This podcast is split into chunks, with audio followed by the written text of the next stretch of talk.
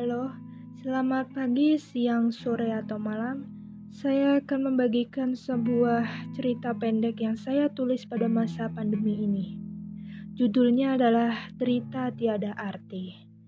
Aku terlentang di atas dipan berbaur tanah, hampa dari segala rasa bertubi. Bukan suatu putus asa yang terngiang, hanya sebuah kekosongan belaka yang tak berarti. Pandanganku terngiang tentang dimensi ruang dalam beragam spekulasi. Entah apa yang membuat jiwa ini terikat atas berbagai konspirasi kehidupan jenaka. Perempuan itu, perempuan yang selalu mengarahkanku atas beragam konstelasi paradigma akibat persekongkolan nurani dan intuisi. Suara retup dari radio tuaku membuat tubuh ini enggan beranjak dari dipan musuh beralaskan tikar. Pikiranku tak berhenti meraba beragam persoalan yang silih berganti. Namaku Kasinah, rakyat kecil berpenghasilan ala kadarnya. Petang hari, warga desa dihebohkan berita bahwa kota ini menduduki zona merah. Pemerintah membuat kebijakan tak pandang bulu. Warga resah, aku tersenyum. Bukankah sedari dulu seperti itu? Mengapa seperti orang kebingungan?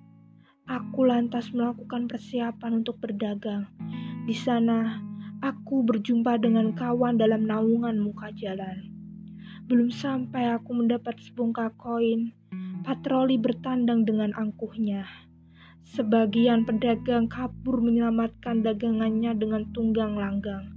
Tanganku dicekal, gerobakku diangkat ke atas bak mobil berwarna hitam. Daerah sini sudah ditutup sementara. Kenapa masih berdagang di sini? Tanyanya. Saya tidak tahu. Alasan, bagaimana mungkin kamu tidak tahu jikalau beberapa media telah menggembor-gemborkan berita tersebut? Saya tahu berita tersebut, tapi tidak seutuhnya. Orang itu membawaku ke kantor untuk disidik. Beberapa pertanyaan dilontarkan oleh mereka. Selembar kertas putih bertulis surat pernyataan sering kali membuat rakyat kecil takluk dalam sekejap. Untuk apa mempersulit diri jika di depan mata adalah pilihan yang tak bisa dinegosiasi? Aku bersedia menandatangani surat tersebut. Gerobakku dikembalikan secara cuma-cuma. Tunggang gunung telah berlabuh. Semburat rona merah muda mengambil alih pola cakrawala. Suasana di sekeliling kota sangat sepi. Jalanan yang dulunya padat merayap berganti desiran angin yang bergelebar. Kulihat beberapa petugas keamanan berjaga diri di titik rawan keramaian. Salah satu dari mereka menghampiriku, memberikan masker, lantas memotret. Jarak dari rumah dengan tempat diriku mencari nafkah sekitar 1,3 kilometer dan aku satu-satunya tulang punggung keluarga. Istriku lumpuh semenjak dua tahun yang lalu akibat kecelakaan.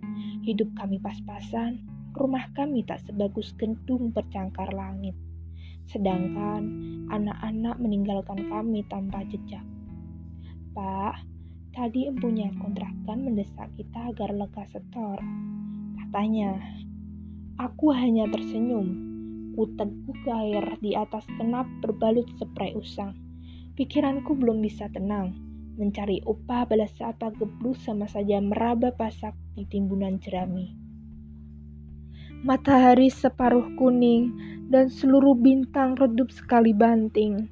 Embun pagi merebak di mana-mana membuat daun enggan melampiaskan pautannya.